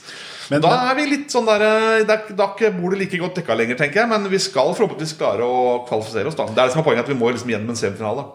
Men jeg hørte på den Keiino-låta, og det er greit at den tikker av på alle boksene, men for meg ble det en veldig sånn kyn, kynisk låt. At ja. Det virka ikke som det var et, noe hjerte i den låta. Syns du ikke? Nei, jeg syns det var en helt jævlig låt. Nei, men fy da! Syns, jeg syns det var helt jævlig. Jeg syns den var faktisk veldig glimrende. Jeg, jeg, syns, jeg syns kanskje til og med Keiino sin var bedre, i og med at den var litt varmere. Og jeg er kanskje litt lei joik, hvis jeg skal være dønn ærlig. På en måte, nå har vi, det er liksom to år siden vi hadde Split ja. and Sky, og nå er liksom joiken på en måte litt ferdig. Det tenker jeg, så vi vet gå videre. Men uh, jeg syns det var glimrende likevel, altså. Så, ja, nei, jeg syns det var helt For meg var det sånn derre eh, Akkurat sånn uh, Nå skal vi bygge en Grand Prix-låt. Ja, det var sånn for meg sånn, det, når, når, all kjærlighet er borte, sånn som jeg følte det var, da, og litt sånn på mye av den der litt sånn standardpopen som du hører på mye av disse urbane radioene, hvor alt alt er så formelbasert. Ja. Jeg, jeg kjenner at Og sånn sett Tix er ikke noe mindre formelbasert. Men jeg føler Nei, altså, Altså, han, skal ha, han, skal, han skal få ros, da, for han lagde en ekte låt med, en, altså, en klassisk poplåt. da ja, ja. I stedet for å kjøre det der typiske eh, afterski-partybuss-greiene. Du skjønner ja, Så det, Der ble jeg veldig satt ut. Wow, kom dette fra Tix? Jeg forventer meg sånn Men det som jeg liker også Tix, han har jo hatt på en måte en eller annen eh, skal vi si reise. tenk at jeg skulle bruke ja. det. Men han, du følger med på Tix, og så det, blir det sånn at fra å være liksom den største douchen i Norge Eh, til at man begynner å heie litt på han. Ja, det er sant. Du, du, begynner å tenke litt sånn og det, sympatisk. Ja, for det er, det er, det jeg tenker med Keiino. For meg er det liksom tre personer satt sammen Nei, jeg skal ikke si så mye dritt om Keiino. Ikke, nå, nå, kjefter vi på folk som, som, som, slenger dritt om andre i, på vår egen gruppe, men, men, jeg må jo bare få si at jeg føler liksom ikke at, at det er et hjerte der. Da. Oi, oi, oi. Og, og for meg så er det alfa og omega på musikk. Jeg føler liksom at Tix selv om det er ganske streit og det er ganske sånn eh, kommersielt og alt mulig sånt, så føler jeg allikevel at han Enten er han så sleip at han klarer å lure oss, eh, litt sånn som en liksom spontan standuper som liksom er spontan hver kveld, men sier de samme vitsene fra uke til uke, men du får det ikke med deg, for du har bare sett ett show, så føler jeg liksom at det er noe av Tix som er med i den låta. Mm. Men, men, ok, jeg skal ikke Jeg tar tilbake det jeg sa om. Det er ikke pent å si negativt om det. Jeg synes bare Det er ikke min greie. Nei, Jeg er helt sikker på at eh, altså, hadde Keiino vunnet i Norge Og det har jo blitt sagt også at Keiino sitt største problem med å vinne Eurovision, det var å vinne i Norge. Okay. Ja, det er, og det er helt, altså, altså Fansen river seg av håret. Og liksom, hvordan kunne dere? Altså, men, men ok, okay da, vi sendte en fin låt. Danskene har jo et kjempeproblem, for de sendte jo virkelig feil låt. Det vi gjør, vi gjør hvert eneste år. Er, altså Danmark lever sitt helt eget liv når vi snakker om musikk. Altså de, de klarer ikke å fornye seg. da Det var liksom Christer Bjørkman som er, eller var sjef, avtroppende sjef i Sverige. Holdt på i 20 år. Han tok Altså, han, han, altså Melodifestivalen i Sverige var liksom like iskaldt som et nedgravd lik i Jervas Njermjarn. Liksom, Helt sånn totalt dødt. Ingen ville ta i det.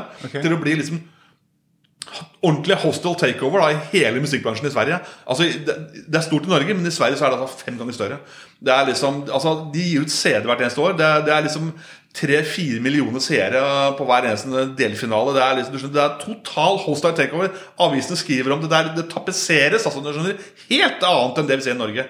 Og du, du, du klager på Du syns det er ikke nok i Norge? I Norge er det fraværende nesten i sammenligning. Og det vet jeg, i og med at du er bransjemann og du irriterer deg. Du vet hva? I Norge det er next to nothing sammenlignet med Sverige. Så det er Ja, men er så stor ja, men du, vet du ja, men det er jo, Folk er gærne i Norge. Det har, tenk deg Aftenposten, da, som ikke kunne gjøre noe sak på norske albumklassikere på CD fordi han var opptatt i fem uker med Han ene musikkjournalisten Han er opptatt i fem uker med Melodi, eller Melodi Grand Prix. Ja, jeg hører hva du sier, men det stemmer altså ja, likevel ikke. For de skriver ikke veldig mye om det. Da er det tilfellet du som de har bullshit til deg, i så fall. Men uh, det er ikke mye. Jeg love altså, Jeg har all, aldri, jeg aldri trodd du var gæren før, før dette her, men nå tror jeg faktisk du er gæren. Jeg har aldri, jeg har aldri fått Melodi Grand Prix kasta i trynet så mye. Men hvis, det er, hvis du mener det er verre i Sverige, da, da Og det er mye større i Sverige. Og, det, og, og altså, de, de store mediene skriver om det så mye mer enn det vi i Norge. Altså, rett og slett. Altså. Det er det sjukeste jeg har hørt. Nei, sånn er det bare. Det er, ja. Uff a meg. Åh, ja, nei, sånn sett er jeg glad jeg bor i Norge, men jeg trodde jeg hadde det vondt. Men det var godt å høre at jeg har det ikke så vondt som jeg trodde jeg hadde det. Okay. Nei, Det heter jo Vårens vakreste eventyr. Sånn er det. Nå er vi på 50 minutter. Ja. Skal vi si 10 minutter til hvor vi går gjennom disse Kanskje vi klarer oss på en time i dag. Eh, Vi har fått både kjeft og ros for at vi har lange podkaster, men jeg tror det er liksom åtte stykker som tåler det, og de, de heldigvis roper så høyt at vi får god selvtillit av det. Men eh, vi skal snakke om de ti neste platene. Vi avslutta med Sondre Lerche sist, og vi avslutta faktisk i en fade, for jeg hadde rett og slett eh, gjort noe gærent Ja, det var noe rart ja. Men vi, hadde, vi sa veldig mye fint om Sondre Lerche i faden, og mye etterpå. Det var bare to minutter vi mangla, men eh, det var rett og slett kjærlighet til Sondre Lerche det avslutta med. Eh, og så snakka vi vel eh, om det vi gikk glipp av, var et eller annet eh, At vi sa noe grisete på slutten. Det var veldig fint egentlig at det ble Ja. en payday. At jeg var litt Ja, vi, altså, vi sa bare at vi og Husk å kjøpe damene! Og så, Ja. og, så vrengte vi litt på den. eh, ja, Ja. Og så begynte vi med, også med yngre gutter. For det Oi. var et, nei, var det ikke det vi sa? Et eller annet med Nei, gud veit. Det var i hvert fall noe helt teit. Det var helt greit at det var skjebnen som gjorde at vi, vi endte opp med å ikke få den siste delen på. Men nå har vi allerede sagt det nå, så nå er vi og driter oss ut. Ok, samme. Vi snakker om da NACD 036, og det er disse som nå sendes til trykk. Det er Boastein, Urgata, Hurgata. Det er jo det mest indie man kan få. Det er jo kanskje det Eller var det andre norske indieselskapet? Andre plata til det andre norske bandet som da lagde et indieselskap. Jeg forsto at det var ett eh, Arvid sa det var ett selskap som var foran eh, Vilde Vinge, som er da plateselskapet til Boastein. Nå husker jeg ikke hva han sa. Arvid har så peiling. Det er så sjukt. Jeg sa liksom Visste du det at Vilde Vinge var det første norske indie-label i Norge? Det er det andre, sier han da. Okay. Men det må jeg si, altså, jeg har hørt på begge skivene, for jeg har godkjent masteringene. Jeg synes det låter, det låter faktisk ganske streit. Det er, det er jo gitarbasert, det er liksom gode låter. Det er ikke så rufsete som, eh, som du skulle tro. Altså, jeg, jeg trodde at det skulle være veldig skranglete og veldig sært og låte som en dårlig kjellerinnspilling, liksom. Men, men nei da, det, det låter veldig bra. Ja, i hvert fall album nummer to er nok litt streite. Jeg syns jo uh, Jeg har min egen luke. Det er ganske sk- vindskeivt. uh, Men samtidig, vindskeivt i 77 er ikke det samme som vindskeivt i, i 2021. For det er, Nei, er nå sånn. er det plutselig sånn at Tenk alt det der skranglepoppen som har kommet liksom på 90- og 2000-tallet.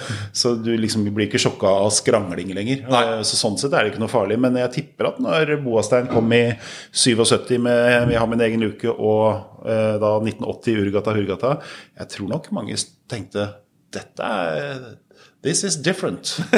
ja. er. Vokalen er jo også litt, mer, litt sånn mørkere og litt mer sånn snakkeaktig. Og, men men, men jeg er låt ganske bra. Ja, nei, det funker. Og veldig Øystein Baasen er jo også en særdeles dyktig uh, Ja, instrumentalist. Ja. Og så er det Hole in the Wall. ja.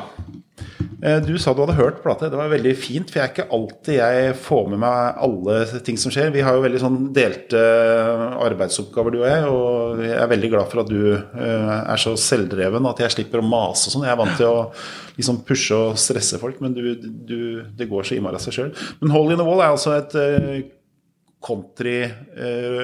country-rock, Ja. psykedelia-band fra Jeg Bergen. Men jeg syns ikke det er så mye kontra likevel. Det, det starter som en veldig rufsete rockelåt, og det er, det er over det, men jeg, det, ikke skrem bort folk med å si at det er, at det er country. Nei, nei. For det er eh, Jeg tenker at det er det ikke det, er, det låter 70-tall, da. vil jeg si 70-talls pop, eller 70-talls rock, da kanskje.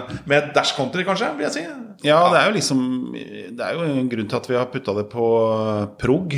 Ja. For det er jo en uh, prog-plate med elementer av både rock og country og roots og americana og, og litt uh, psykedelia i bånn. Men det er i hvert fall da um, Erik Møll og Rune Valle, Valle som starta dette bandet i 71. De hadde ikke så lang levetid, i hvert fall med den besetninga. Det har vært flere store navn innom der. og Trygve Tue var jo med, som også har vært med i uh, Ja, Saft. Saft ja. så, så den plata har blitt veldig fin. Gleder oss til å få inn på lager. Man kan si at jeg har sammenlignet med forrige CD-versjon også, så det låter bedre nå. Altså. Det gjør det. Ja, det gjør det. Og så er det jo da Trond-Viggo Torgersen, 'Kua med fletter og juret på tvers'. Der har jo eh, Den ble jo mirakuløst redda av en eh, Ja. velgjører fra vest. Gjorde det, gitt. Den hadde vel Det er litt dumt da når, når ting blir liggende så stille, for da er det nesten ingen som tar sjansen på å bestille den, for da, da har kanskje folk allerede avskrevet skiva. Men, eh, og, det er litt synd, da, tenker jeg, hvis- det skjer. Men, eh, men der var det en som bare banka kortet i bordet og sa at den her skal vi ha. Ja, og det er veldig gøy når sånt, eh, sånt skjer, altså. Ja. Eh, Vi hadde jo eh, Ja, den plata er jo også en eh, første Trond-Viggo barneplata. ja. Var han 24 år, tror jeg? Jaha, Litt sånn ok. veslevoksen 24-åring. Jeg tror alltid tenkt at han må ha vært eldre, men det er jo faktisk 76 Ja, plata er ble spilt inn. Mm. Så dette her er jo en Egentlig, du hører liksom han, Trond-Viggo Torgersen syns jeg ble genial. Jeg syns jo den plata her er hakket før genialt, men du skjønte at dette her kom til å bli genialt og slå ut i full, i full blomst. på en måte. Men det er jo ikke de mest kjente låtene fra den plata. Han har disse rare småprattingene mellom sangene. og Det er en veldig sånn øh, rar plate. Jeg, jeg leste um, liner notesen hans på selve øh, albumet også, hvor han øh, nesten var litt sånn passiv-aggressiv og sa Eh, Dette her skal eh, være en plate hvor eh, dere skal høre på sammen med barna deres, og så skal dere snakke om sangene etterpå. Og noen syns dette er bare tull, og da blir jeg nesten litt sånn, var det sånn, Wow! For en eh, nesten sånn tordentale. Men, men du skjønte liksom at han hadde en plan. Han var 24 år gammel og, og liksom lekser opp de som ikke skjønner eh, konseptet. Jeg synes det er et ganske kult eh, utgangspunkt. Han var liksom litt sånn ta, ta dere sammen, liksom. Ikke, hvis du ikke liker dette her, så er det litt teit, var det egentlig han skrev en liten skrift. Ok, Jeg har plata, men det, det husker jeg ikke. Det, skal jeg sjekke. Ja, sjekk, det er ganske Ja. gøy. Han skriver det på en litt uh, gøyal måte. Og så er det Lumbago, alt og litt ekstra, fra 1980. Mm. Norges nest Eller nest første, det blir vel andre, det. Ja. Andre musikkvideo. Og Norges, beste, Norges beste web- vil jeg si. Ja, dette her er jo nyverv som du eh, Ja, det, det tåler. syns jeg er veldig bra også, faktisk. For de fikk jo litt pes for at de ble litt sånn sell-out. Ble gitt ut på et stort plateselskap og ble full eh, annonsering i avisen. Og de fikk mye pes de, i sin tid, men eh, det er jo en plate som absolutt har tålt tidens tann. Mm, Be. Berit har fått leggene barbert, er jo da videoen som var nummer to etter var den første norske musikkvideoen. Det må ha vært uh, forelska læreren med The Kids. Helt riktig. Yes. Fader, altså, hva du veit. yes, og så har vi da uh, Alex. Ja. Det var jo den du kjempa i land. Ja, og- den også hadde jeg dessverre opp, gitt opp og tror at den får vi aldri verden. Så synd, så synd. Men så skjer det det som eh, Plutselig bare så vil folk ha den allikevel. Liksom, folk innser at nei, vi kan jo ikke gå glipp av den. Og så bare begynner ting å skje, og plutselig så bare ruller det inn bestillinger helt på tampen. Liksom bare Wow! Men er ikke det rart? Hvorfor er det sånn at folk Jeg, jeg skjønner Jeg tror folk må vente på at alle andre skal kjøpe den. altså, Er det det? Man venter på at uh, denne skiva den går igjennom, men, men, men det er med at her er det noen andre Eller de andre skal, skal bestille den. Det er, er det det det går på? men, men så virker det som at liksom, en plate blir ikke noe spesielt bedre selv om det går fort på slutten. Er det sånn at man eh, har, har liksom Man vet Oi, der la de ut Alex. Den skal jeg kjøpe på dag 28. Er det sånn? Eller tror du det er sånn at man blir litt påvirka? Er det, det er noen som går inn og, og sjekker linker og Oi, dette var kulere enn jeg trodde og husker og sånt noe. Og det, men at det alltid skjer de tre siste dagene, det er jævlig sprøtt. Nei, det er veldig rart. Det er klart det er noen som, som Hvis de er, ligger sånn ordentlig på vippen, så kan de liksom bli, på en måte, bli revet med av en god stemning. da Hvis det, hvis det er noen som trigger Den skiva her er det så bra! Det er, og den er jo ordentlig rocka. Det er, jeg har hørt på LP-en, den låter fantastisk kult. Da. Det er ordentlig rø- rø- Det røsker, altså, rett og slett. Ja, ja. Og dette er den mest rocka av hennes eh, soloalbum. For Ja. hun ble vel enda mer funky og litt mer sånn disko etter hvert. Ja. Eller Så, ja, jeg tror det. Ja, faktisk ja, ja, eh, Child fra 1980 er jo litt mer disko-funkaktig, vil jeg tro. Ja. Ja. Ok, det var Alex. Eh, Neste, altså NACD041. Der har vi Neonite. Det har du sittet og hørt på i dag tidlig. Ja, det er eh, Noen sa at, det låt litt inspirert av TNT, og det er jeg litt enig i. Sånn, eh, med vokal og liksom, At det låter litt sånn 1987, på en måte. Men det er litt, enklere innspilt, selvfølgelig. Det er det, men, men det, er, det er veldig bra. Jeg, veldig, jeg, jeg, nå jeg kjenner ikke skiva så veldig godt, egentlig, men jeg, jeg, det er kanskje ikke, jeg tror jeg er utgitt på et lite selskap, og at det kanskje er litt selvfinansiert. kanskje Så Innspillinga er eh, ganske forholdsvis enkel, men, men det låter veldig bra. Og det låter sånn 80-talls-heavy. Så det Ja. De er fra Elverum. De er fra Elverum, ja. Og så er det litt eh, gøy med det bandet, fordi eh, de ble vel nedlagt ett år etter at plata kom ut. Og Ja. virker ikke som det var sånn veldig strukturert. Det var liksom en sånn band som var der. Masse talentfulle folk. Eh, Leif Knashaug som synger, synger jo dødsbra. Mm. Det er jo virkelig sånn power, kastrat, eh, heavy vokal som funker så det suser. ja. Ordentlig sånn, ja, Tony har litt Til inspirert, Ja. tydeligvis. Mm. Men øh, dette er også et band som øh, ikke går god for innholdet på plata. Åh, gjør det? Ja, for det, det fins noen demoer ute med Neonite som, som bandet snakker veldig varmt om. Okay. De snakker ikke om plata si, men hvis du spør bandmedlemmene ah, Du må sjekke demoene våre, de er mye bedre. Ja. Så tenker jeg men, jeg har slutt å snakke om demoene, vi snakker om plata. Liksom. Og alle jeg har vært i kontakt med, har liksom snakka om at de demoene var så mye bedre. Så egentlig er det nesten litt fristende å Hvis du ikke er den klassiske krangelen med produsenten-greia, eller noe sånt, noe, men uh... Ja, men det var liksom rart, fordi okay. at alle, og det er fans også, snakker om at demon er bedre. Til og med Arvid har skrevet i liner notesene at uh, Men hvis du syns plata er bra, sjekk demon, jeg. Bare, Så der blir jeg litt nysgjerrig, men den er gøy. Og det er jo et eller annet utrolig gøy å jobbe med hardrock-publikummet. Ja, det er jo så takknemlig, og det sprer seg så fort. Og det er jo det er liksom det jeg tenker på Tons of Rock, den festivalen eh, på Ekebergsletta. Det må jo være verdens triveligste festival. Det er jo i nabolaget hvor jeg bor. Jeg har vært på eh, var på den siste festivalen nå, før eh, korona. Og så altså Folk er så glad. De går bare rundt smiler. Og det er vel ingen som kjøper mer merch enn heavy-publikummet, og som også drikker mer øl. Det å drive en hardrock-festival Altså Det må være det mest lukrative man kan gjøre. Det er helt, helt fantastisk. eh, Selv om jeg ikke er glad i eh, folk som drikker øl, eller øl, eller noe sånt som har med øl å gjøre, så merker jeg faen så god stemning det var på den festivalen.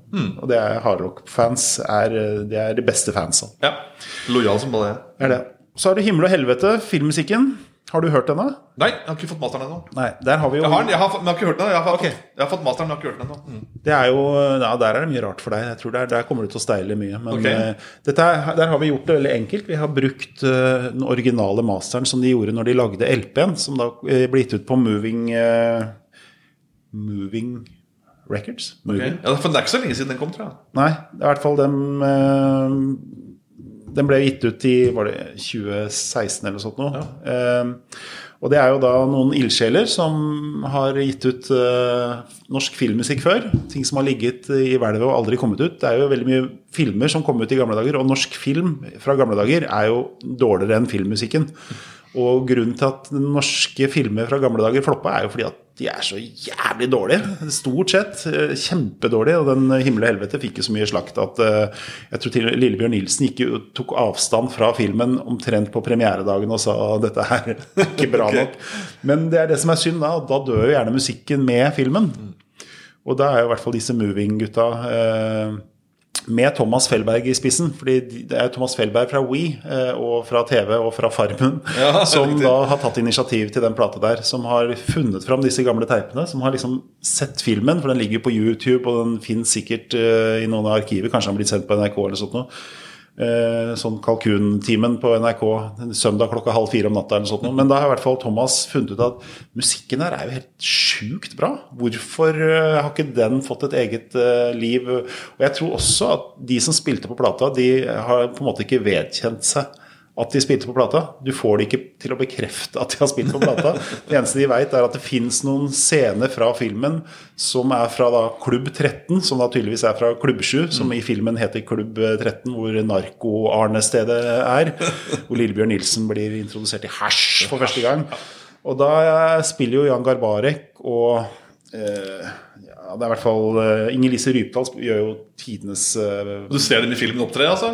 Ja. Mhm, ok, jeg har ikke sett filmen. Nei, det er det, det er det få har gjort. Men det er jo liksom både Terje Rypdal, Garbarek og Ja, det er i hvert fall masse flinke folk der. Og dette her var jo når de trykte opp LP-en i sin tid, så gikk jo de 1000 Jeg tror de trykte opp to ganger 1000, eller var det bare 1000? Men i hvert fall det forsvant rett i utlandet. For der sitter jo de største, hardeste Garbarek og Rypdal-fansene. Så, så det er litt gøy at dette her er en plate som sannsynligvis eh, akkurat nådde målet her hos oss, men som alt vi kommer til å selge videre av den, kommer til å bli solgt til eh, Tyskland og Hellas og Japan. Og vi merker da at det er ganske interesse for CD-en fra distributører rundt omkring i verden også. Det må jeg få nevne at eh, på, Når jeg går inn og skal høre på masteringa, så skriver jeg alltid ned låttitlene. Og jeg sjekka på Discogs, der, der står også låttitlene altså, oppført på norsk. da Ja. Mens eh, på sidene våre på, på webshoppen så står låttitlene oversatt til engelsk. Så, men vi skal vel da, eh, vil jeg tro, da, gå for den norske, de norske, den norske versjonen. Vi kopierer coveret som de ja. Moving-gutta lagde eh, på LP. Så bruker vi bare forsiden, og da blir det norsk tekst. Men eh, jeg ser også den heter jo eh, På nett så heter den noe annet på Spotify enn han gjør på plate. Og jeg, jeg vet ikke helt om den er helt gjennomtenkt, eller om de bare har lagt inn litt sånn kryptiske ting for moro skyld. Men eh, nei da, det, det er i hvert fall en veldig fin plate. No, noe av det er nok litt uh, mer sånn filmmusikkbasert. og liksom har litt sånn, Nå har vi sånn eh, syrescene, nå er det skremmescene. Men, men Ja, det de står det. Hasj, det, det, det står på låttitlen hasj, og det står liksom Skippergata, og det står Ja, ja. liksom Også Freak Out, som han heter på engelsk. Som heter noe sånn Jeg vet ikke hva han heter, men det er ganske sånn eh, Ganske space og greier. Men uh, halvparten av skiva er fantastisk bra, og så er resten ganske klassisk lydkulisser og filmmusikk. Mm. Så er det Heart of Mary. Ja, De er fra samme nærområde som deg? Det er den fra Kongsvinger, og jeg har til og med vært på release-konserten. den er eh, plata der, faktisk. Så det kan jeg smykke meg med. Så jeg har skiva i to eksemplarer. Et usignert som vi har skanna, og et signert av alle, alle medlemmene i bandet. Det er morsomt.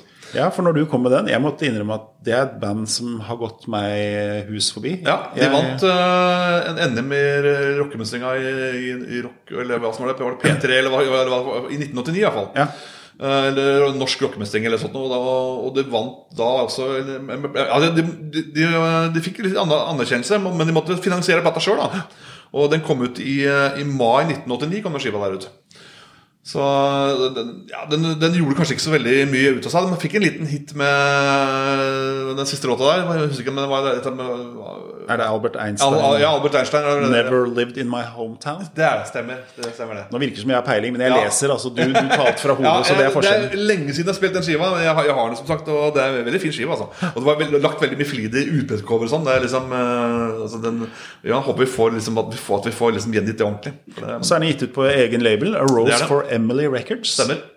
Det er det. Eh, Den finansierte skiva sjøl. Og så er det, kan jeg si at det er en lite hemmelig spor mellom eh, spor 11 og 12, kan jeg allerede nå si. Sånn liten sånn, der, liten sånn jam-sak som varer et minutt. Ok. yes. Er det den låta som heter 'Mozart Never Did The Duck Walk'? Eller er det, er det mellom den og siste det, låta? det, den er låta ikke oppført på coveret. Ok, sånn er. Så, ja. Ja, ja. Nei, de, de får holde på. Det er jo da um, Levi Henriksen som uh, var låtskriver og spilte bass. Og Ja. så var det da avdøde Dennis Kamphaug som var uh, låtskriver, vokalist og gitarist. Ja. DK, er det det han kaller seg? ja Dennis DK. Det var Heart of Mary. Da har vi to plater igjen som vi skal gå kjapt gjennom før vi skal få la og la folk få fredagen og taco og kose seg uten å høre våre stemmer gravd inn i membran. Det er Jon Eberson Group, 'Polarities'. Jeg tror det er faktisk den plata som Jon er minst glad i.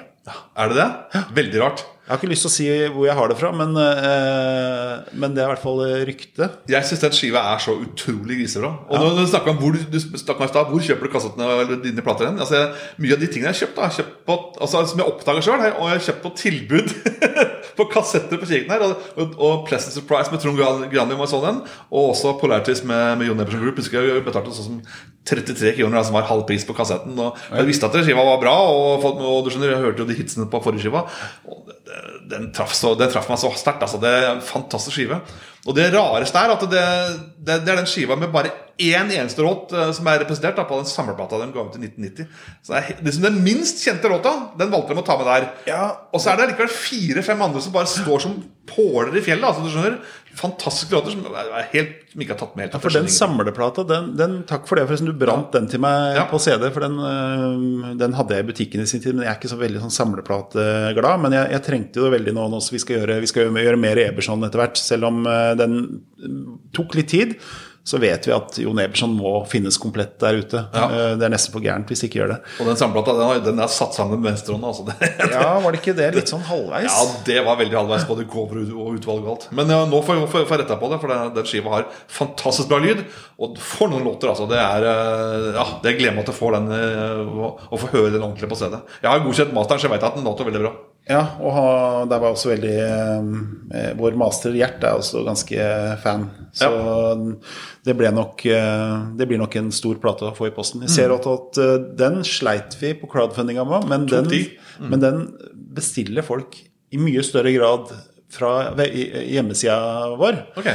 Og jeg skjønner jo ikke det heller. det er rart. Altså, det, er, det, er, det har vært mye Jeg har lyst til å ta en runde, for det er sikkert ikke de som kommer til å høre på eh, som vi snakker til, men eh, hvis det er noen som hører på på slutten Vi skal ta det etter den siste plata, og det er rett og slett med gangen i dette her, og at eh, at ting tar tid. Det er ikke sånn at man kan bare bestille noe, så får man det to dager etterpå, som man gjør på platekompaniet eller på alle andre nettbutikker. For vi, vi har jo ikke et fysisk produkt i hånda når ting er crowdfunda.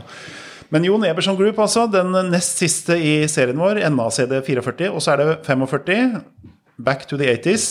Eh, den er vel Erik Muster eh, eh, Hjelm som sa at vi skulle putte på, og vi gjør som Erik sier. Ja, nei, ja, altså ja, ja, jeg, ja. Eller den har du også var, vært veldig- også ja, var, du var litt, veldig den. veldig, veldig klar på at du må ha mye Tramteatret, for jeg er stor fan av den. Og, også, så, og han nå etterlyste nå også eh, neste tramteater, som blir 'Hemmeligheten i baby'. Det var det, ja. Det var det var, da har jeg misforstått. For det, Yes. var du, det var du som hadde Back to the 80s nå, Ja. men det blir jo neste Tramteaterplate. Vet ikke helt når vi skal putte den på, men uh, Det vet jeg. Det blir enten etter drama eller Hilde Helberg. Ok. yep. Og da kan det komme på om bare noen dager, da. Det kan Det er bra. Dette er gøy. Jo, men eh, jeg har lyst til en liten sånn, for jeg, eh, det er jo jeg som får alle mailene. Det slipper du, Jon Rikard, og det skal du være veldig glad for. For jeg får mellom 50 og 100 mailer hver dag. Med folk som er enten eh, litt sånn forståelsesfulle og sier Du, plata mi Jeg har bestilt noen plater, hvor er de? Det er liksom det vanligste. Hvor er platene mine? Og så tenker jeg Hvem er du? Skal jeg finne ut gjennom da bidra.no sine giverlister basert på ditt navn, eller skal jeg gå inn på min app hvor jeg må søke opp ditt navn for å finne ut hva du har bestilt?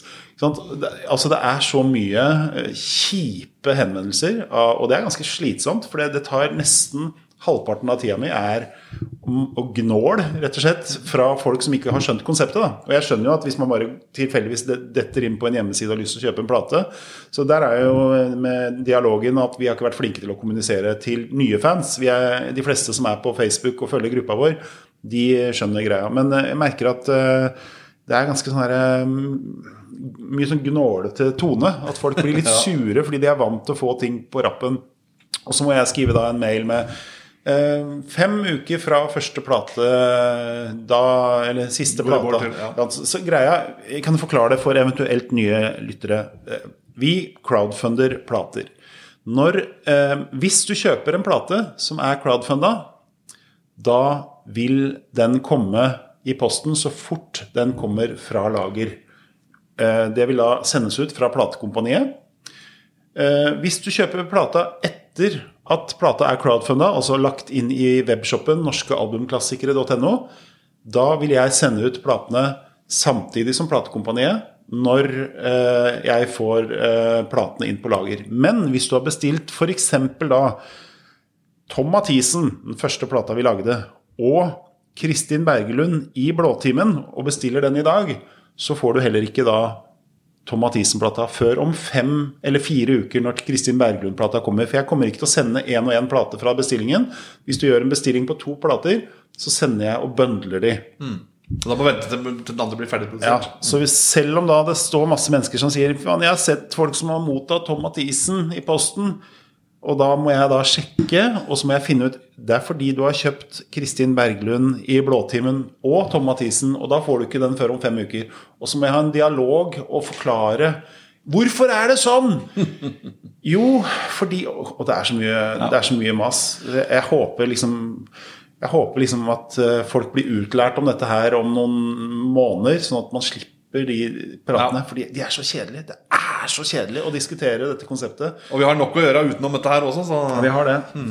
Så jeg må bare si at det er ikke meningen å være nebbete eller noe sånt. Eller det er jo litt meningen å være nebbete, selvfølgelig, men eh, kom igjen, da. Eh, Les dere opp, for dette her står ganske klart og tydelig overalt. Men ellers så må vi bare si at alle som er i gruppa, og forklarer og, og liksom tar den uh, migjobben ved å forklare for oss, tusen hjertelig takk. Det setter vi ekstremt pris på. fordi hvis vi skulle i tillegg svart på alle de som skriver på hjemmesida og sånt nå, så da tror jeg jeg hadde blitt gæren. Da tror jeg ikke jeg hadde giddet. For det, det er liksom det som gjør at det er det verdt det, liksom. For det, det er så mye mas da, med at folk eh, skal ha ting inn med teskje. Så heldigvis så har vi mange eh, flittige medarbeidere, gratis medarbeidere, ja. som eh, hjelper oss. Så tusen hjertelig takk. yes, det får bli moralen. Moralen. Vi får si at vi får takke for oss, men husk nå at vi må kjøpe Hilde Helper da, og, Blind Date. Det må, det må bli avsluttende ord i dag. Hilde Helper og Blind Date, ja. De må vi ha i mål, rett og slett, Og. Paul Towson. Ja, det også stemmer. Ja. Men i den rekkefølgen. Ja. Hilde Helberg, Blind Date, Paul Towson. Hvis du kjenner noen som du tror kan være interessert i Hilde Helberg, Blind Date eller Paul Towson, tagg de, eh, inviter de inn i gruppa. Og hvis du har tilgang til grupper, eller kjenner til eh, liksom gode sånne grupper Jeg tenker at Hilde Heltberg eh, har vel kanskje ikke en egen Facebook-gruppe engang, tror jeg. Nei, det vet jeg ikke. Det er jo Problemet er jo at eh, er du borte, så er det ikke så mange som gjør den jobben for deg. Hvis ikke du har liksom en sånn type eh, Trude Lines i, eh, Ja, i Marius Müller-klubben sånt, som er helt ekstremt flinke. De har jo 65 000 medlemmer. Men, men det fins tilsvarende grupper. Countrygrupper, det kan finnes 80-tallsgrupper, det kan finnes eh, Vi som liker Hilde Heltberg. Det, kan, det er sikkert noe sånt også. Kjempekult hvis dere gidder å hjelpe til. fordi det hørtes ut som tigging, dette her, men vi, vi, er, vi er jo glad i å få igjennom prosjektene våre. Ikke nødvendigvis bare av økonomiske grunner, men det er fordi vi er glad i musikk. platene. Vi er samlere. Ja. Akkurat når det gjelder Hilde Heltberg, så er det også litt for din del at eh, Ja. jeg blir jo stressa når ikke du får eh, inn det du vil ha. Ja, jeg tenker at den, den skiva den, den henger høyt. tenker jeg altså, Den har jeg virkelig ønska meg, så jeg håper at den skal gå veldig greit inn uten at vi må mase. Men eh, ja. spiller ingen rolle. Men vi, vi må i mål, altså. Sånn er det. Så nå maste vi allikevel. maste vi allikevel. Sånn er det bare. Det syns jeg er greit. Men vi er oppe 24 24-7 i hele helga, så dette her går bra. Ja, Vi har ikke noe liv i helga, eller i hvert fall jeg snakker om meg sjøl fordi dama er borte. Jeg har ikke barn, så jeg kommer til å være veldig aktiv i helga. Og da skal vi pushe skitten. Ja. Fint. Yes, takk for oss. Takk for oss.